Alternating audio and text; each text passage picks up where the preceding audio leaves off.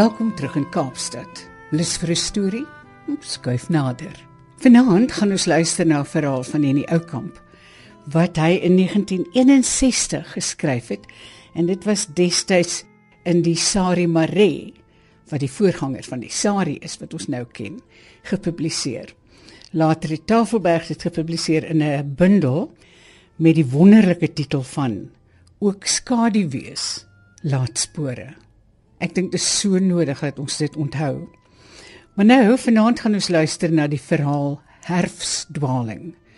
En hierdie verhaal se titel sê meer as wat 'n mens vermoed. Kom ons luister daarna. Susan Beyers gaan dit vir ons lees. Lekker luister. Eers was dit haar bene wat snags begin pyn het. So erg dat sy dikwels teen dagbreek nog nie 'n oog toegemaak het nie. En in haar wanhopige poging om aan die slaap te raak, het alles haar begin hinder. Die venster wat haar man die vorige aand te wyd oopgemaak het.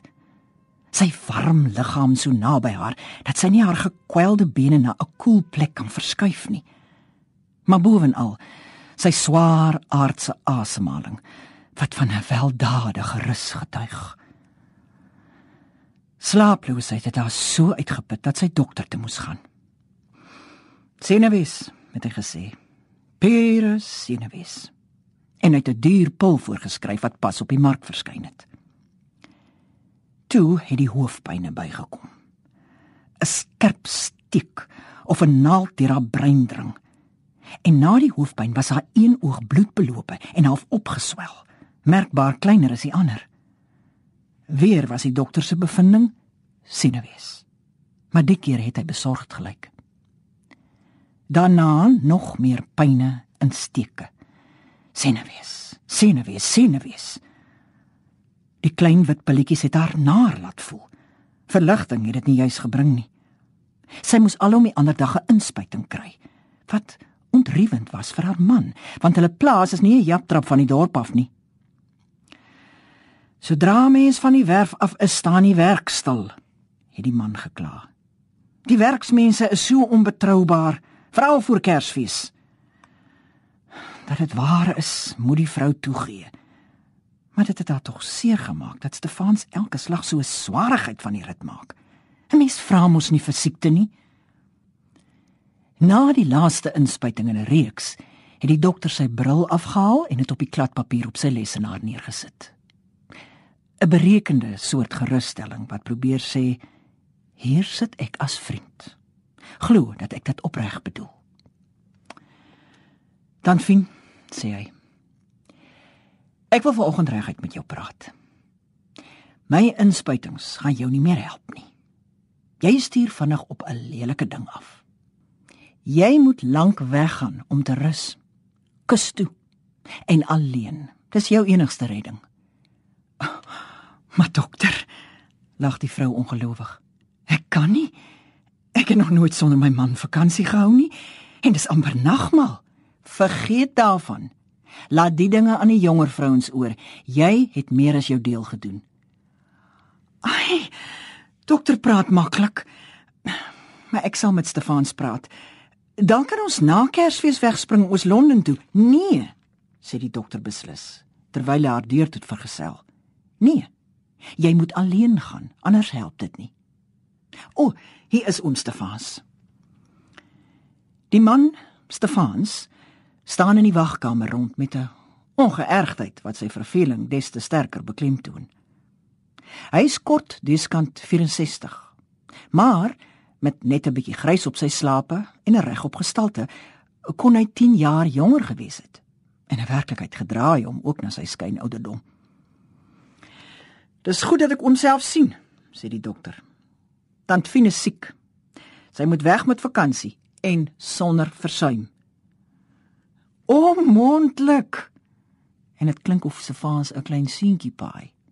Later miskien, na Kersfees, maar nie nou nie, die koring moet gesny kom. Tant Fine moet alleen wegkom. Oom sal mos alleen kan regkom. Alleen? Maar jy's verspot, jong. Die vrou kan gaan sonder my rondry nie. Na, suster in Kapailand toe miskien. Dit sal nie deug nie. Kap die dokter nikkerig tee. By familie ontspan 'n mens nooit volkome nie. Wat wou? Stefans vererg hom. Hy's 'n boer en familievas. Tant Fien, wat ongemaklik begin voel, raak aan haar man se arm en vir die dokter glimlag sy. Ons moet nou gaan. Dankie, dok. Dink aan my raad, roep die dokter hulle agterna. Klein as jas, brom Stefans. Hulle loop langs mekaar oor die straat na die motor. 'n Stilte tussen hulle. Stefans het hom lelik vervies. Dis duidelik. En Fien kan nie help om vaagweg skuldig te voel nie. Dis of sy nie dokter agter haar man se rug saamgesweer het. Is al jou dingetjies klaar? Kortaf. Maar oh man, hoe kan dit nou? Ek was aan nog 'n hele tyd by dokter. Nou wat moet jy nog kry? So 'n paar goedjies by die koöperasie. Is dit noodsaaklik? Kan dit nie maar wag nie. My heiden Stefans. Maar laat ons maar ry om Vader se wille. Stefans hou tog voor die koöperasie stil. Eers wil sy vrou glad nie afklim nie. Maar toe hulle struweling die aandag van 'n verbyganger op die sypaadjie trek, maak sy die deur oop. Haar gesig is rooi, haar hande bewe. Dis met moeite dat sy die trane teehou. In die winkel loop sy die dogter van 'n vriendin raak. Mali het 'n vet baba op die arm. En al so groot, mamali kind, wanneer laas het ons mekaar dan gesien? Nee, want dan finnelik kom kuier mos nooit meer nie, verwy die jong moeder. Ag, dis die oomkind. Ons kom deesdae nêrens nie. Dis al of iets hom byt. Hy wil net terug plaas toe. So sterf ons ou vriende af. Hier op die dorp maak hy gedurig vuur onder my. Ek sê jou, ek moet my ete en drinke ken om al my draaie te kry. Pa het dieselfde nik uitgehaal. Mamma het hom gou vasgevat. Ja, ek is te sag vir die oom, dis die. Gee altyd eerste in. En dan besef Fien dat sy nie meer skerts nie. Haar stem het ernstig geraak met 'n ondertoon van trane daarin. Sy lag verlee, maak 'n flou opmerking en groet dan. Toe sy met 'n arm vol pakkies by die winkel uitkom, staan Stefans eenkant by 'n klompie manse gesels. "Toe ouste, wil jy my bankrot koop?" skree hy en knipoog vir die omstanders. Maar die knipoog sien sy nie raak nie. Sy voel net verneder oor die gelag wat teen haar gemik is. En dan die gesukkel met pakkies sonder dat Stefans aand kom bysit. Toe hulle die dorpspult vat, gee sy vrye teels aan die trane. My magtig Fien. Was dit nou oor die ou grappie? Dat jy na al die jare nog so 'n ou hempie raak my sterkie nie kan wees. Ek sal ook maar voortaan my mond hou. Nee. Nie daaroor nie. Oor oor alles. As die kinders moet weet hoe jy my behandel, byna asof jy vir my moeg is. En jy kry my ook 'n jammer in my siekte nie. My kwale verveel jou. Ek is vir jou net 'n uitgawe. Gaan op jou knieë en dank die Here dat dit nie jy is wat ly nie. Heel pad ry hulle in stilte. Kort kort lyk dit of een wil praat, maar dan kom hy darm nie so ver nie. Albei voel omgekrap. Fien oor haar half hysteriese uitbarsting, Stefans oor sy grappie. Dis waar, hy neem maar seker nie genoeg in ag nie, want hy het nog nooit geduld met siekte gehad nie. Maar as die kwaaiste werk begin skiet gee, sal hy haar na 'n goeie dokter neem en daarna kan hulle 'n paar dae by die kinders gaan kuier. Maar eers moet die oes afkom. Op die plaas trek hulle voor die ete eers hulle plaasklere aan. Fien hang haar man se dorpsklere netjies oor 'n skouertjie en sit sy beste skoene in die wastafel. Maar hulle bly vreemd vir mekaar. Aan tafel sal dit beter gaan, dink sy. Das liewer in pensvet, hy hou so daarvan. Sy skep vir hom 'n stewige porsie in. "Hoe smaak dit, ou man?" vra sy afwagtend. "Mm, so so, net weer te min sout." Na ete gaan rus albei. Stefans op die bank in die voorhuis waar dit koel is. Fien in die slaapkamer. Al blaker die middagson so teen die ruitte dat sy die hortjiesblinding moet toetrek. Sy kan net nie in 'n ander vertrek ontspan nie. Maar vanmiddag wil die vaak nie kom nie. Al het sy die vorige nag skaars 3 uur slaap. Sy dink terug aan die gebeurtenisse van die oggend. Klein, belaglike voorvalletjies as 'n mens dit rustig bekyk. Maar as die voorvalletjies hulle daagliks herhaal, week na week, maand na maand, begin jou weerstand wegkalwer. Veral as jy nie sterk is nie. Stefans is moeg vir my, dink sy bitter. En dan dink sy wat sy nooit wou dink nie. En ek is moeg vir hom.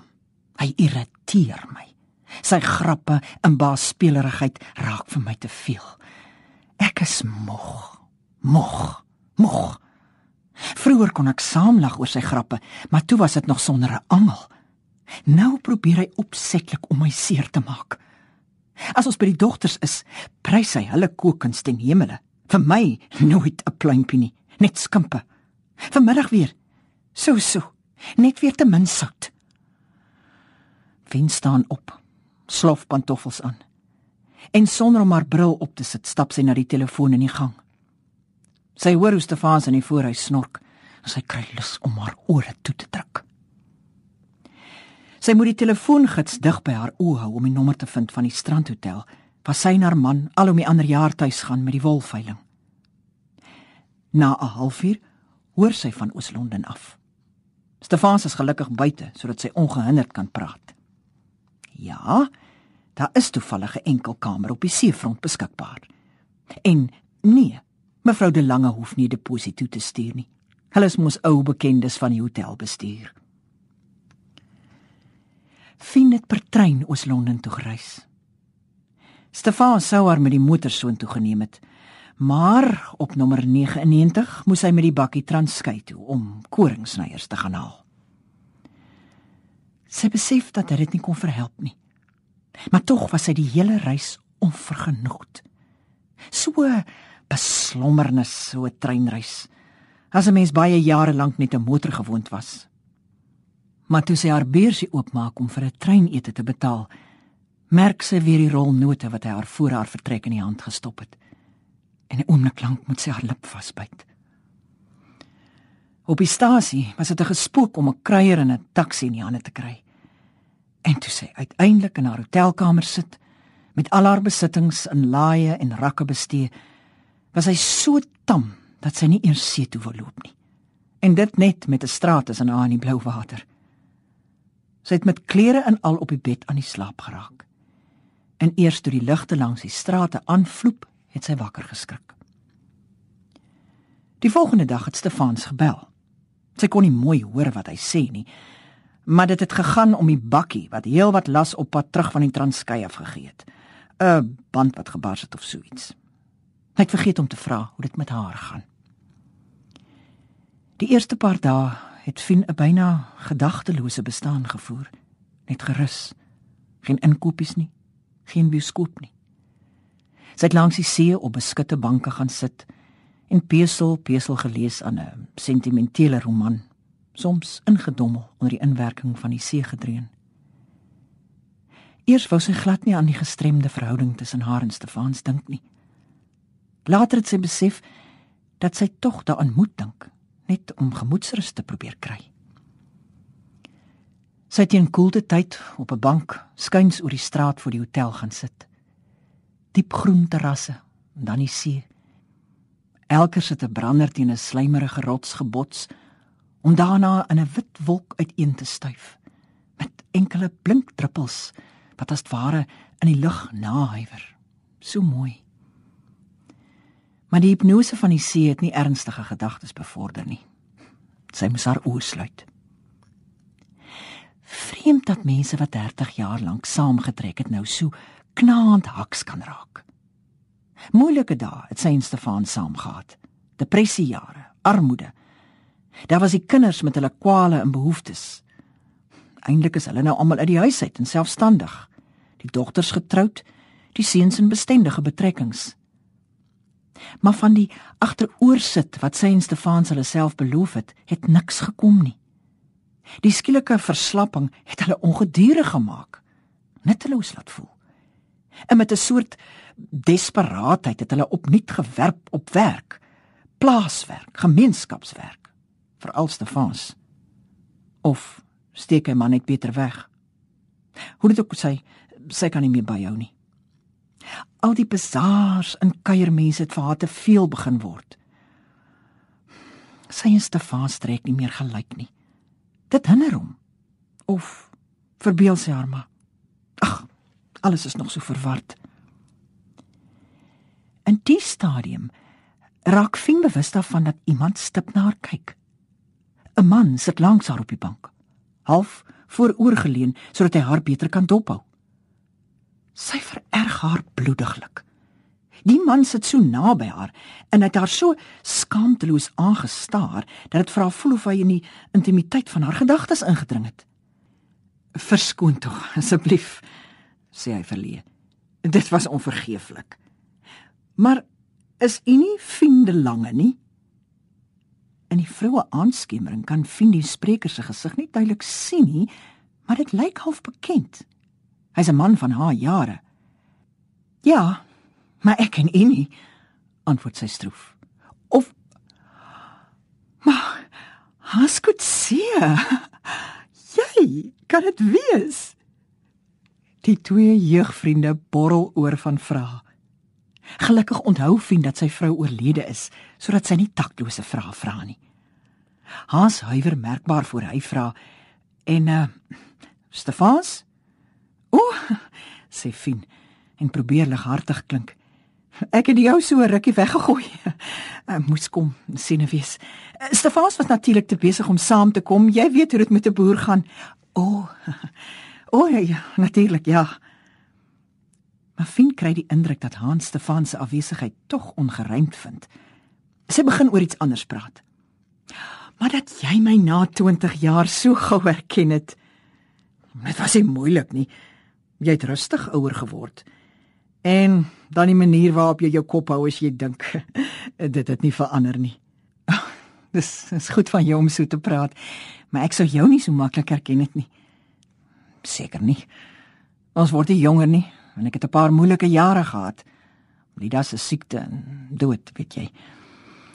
Maar waar bly jy? In die hotel hier oorkant? Ja. Ek het so gehoop. Nou sal ons mekaar dikwels sien want ek is ook daar tuis. Het vanmiddag net gekom. Kom, laat ons loop. Hy plaas sy hand liggies op haar arm wanneer hy haar oor die straat tussen die verkeer deurloods. In die portaal van die hotel bly hulle staan, onwillig om van mekaar afskeid te neem.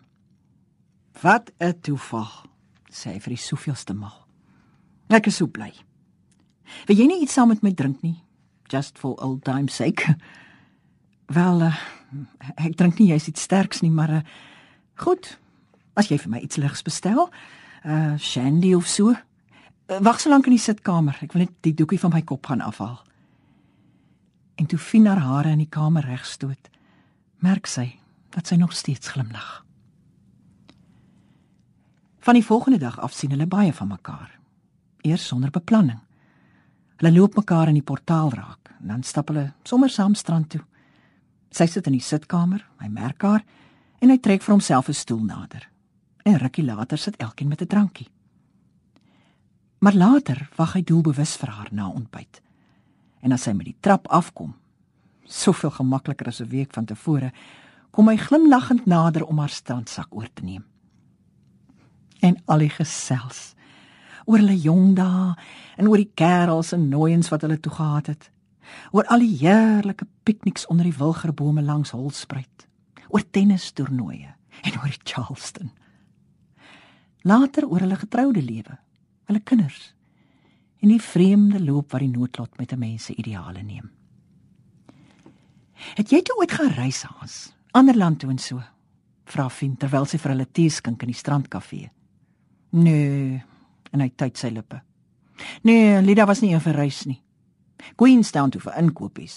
Alhoewel toe vir die bronne. En so eenmal 'n jaar oos Londen toe. Dit was waar oor genoeg. Nou kan ek reis. Maar uh, ek het nie meer die dryfkrag om dinge alleen aan te pak nie. Soms het hulle onbewaak oor hulle self gesels wanneer hulle vriendskap iets ernstigers as blote kameraderie begin word het, kon Fien later nie met sekerheid sê nie. Dalk het sy vir die eerste keer ongemaklik bewus geraak daarvan tydens 'n telefoongesprek met Stefans. En toe, Wanneer kom jy huis toe? het hy briesk gevra.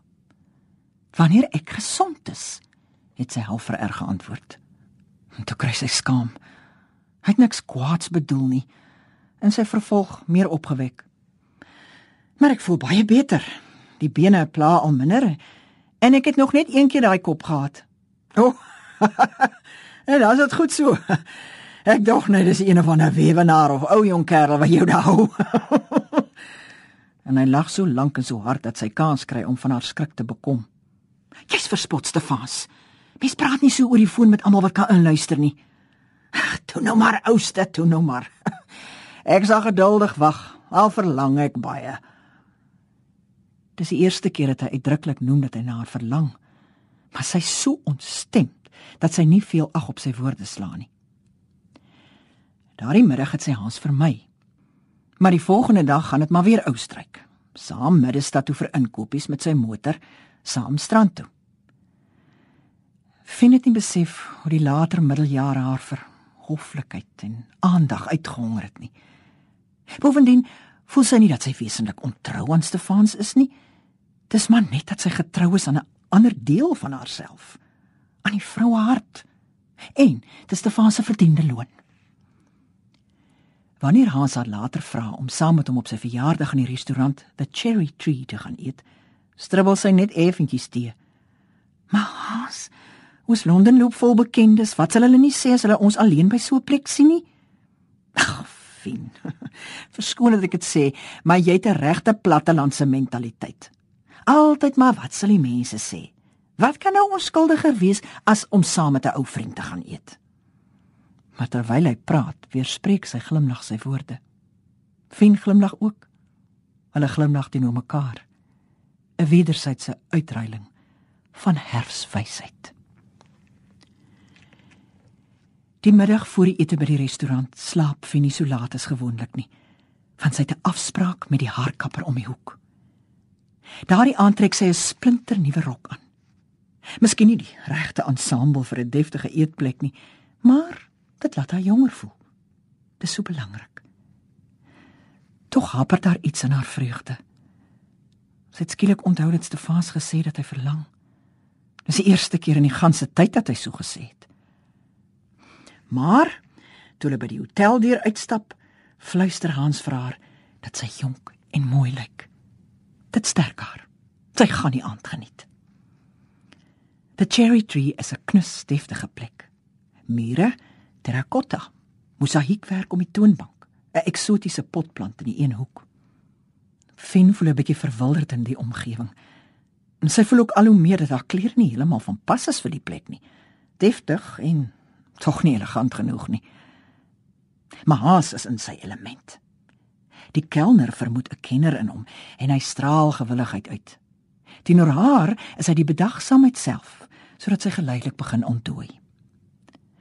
Selfs die Thai biefstuk bring haar nie in die verleentheid nie. En terwyl sy die stuk vleis met mening aansny, dink sy eensklaps aan wat Stefans eendag vir 'n kelner gesê het omtrent 'n Thai stuk vleis. Toe het sy al lelik vererg oor sy grap. Maar nou dat sy daaraan terugdink, is dit tog snaaks. Selfs baie snaaks. Sy proes. Hans kyk goedig op van sy bordkos. "Ja?"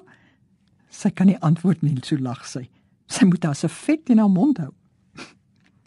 Ek jammer. Maak sy uiteindelik verskoning. ek het aan 'n grap gedink wat Stefans eendag vertel het, maar moet my nie vra om dit oor te vertel nie. Dit is eintlik flou as iemand anders dit vertel. ek weet nie hoekom dit my nou so moes laat lag het nie. Fien merk dat Hans ligtelik gesteurd lyk en moetswillig vervolg sy. Dis Stefans darm, so vol dinge. Hans kyk haar langer aan as wat nodig is. Snaaks, sê hy eintlik, stadig. Snaaks. Maar dis die eerste keer jy praat asof jy na hom verlang.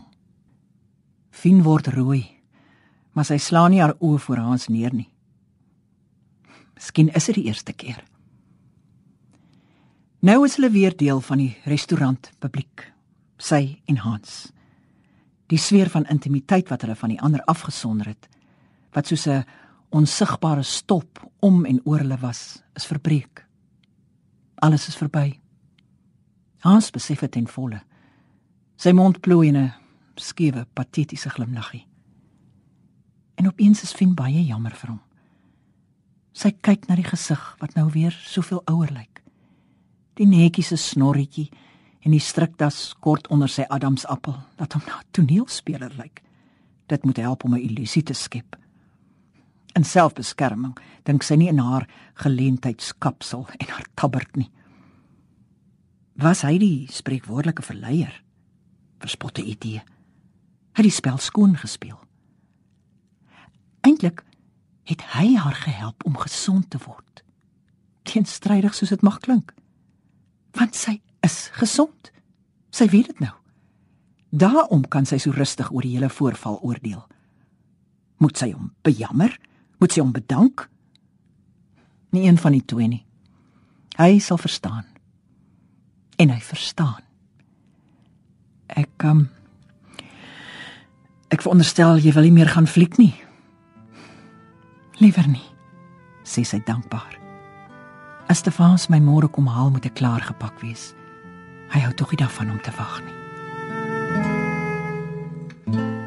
Herfstdwaling van hierdie ou kamp so Susan Beyers dit voorgeles het.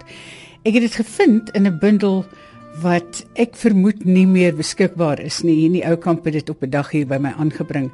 Hy het mos nooit geloop sonder 'n geskenk in die hand nie. En dis 'n beheerlike dun bundeltjie, maar het wonderlike verhale in. En die titel van die bundel is ook Skaduwees laat spore. Miskien het ek al gesê, maar dit is 'n Tafelberg publikasie. Van my Margot Luit alles van die aller aller allerbeste. Tot volgende keer. Mag dit met ons almal goed gaan. Totsiens.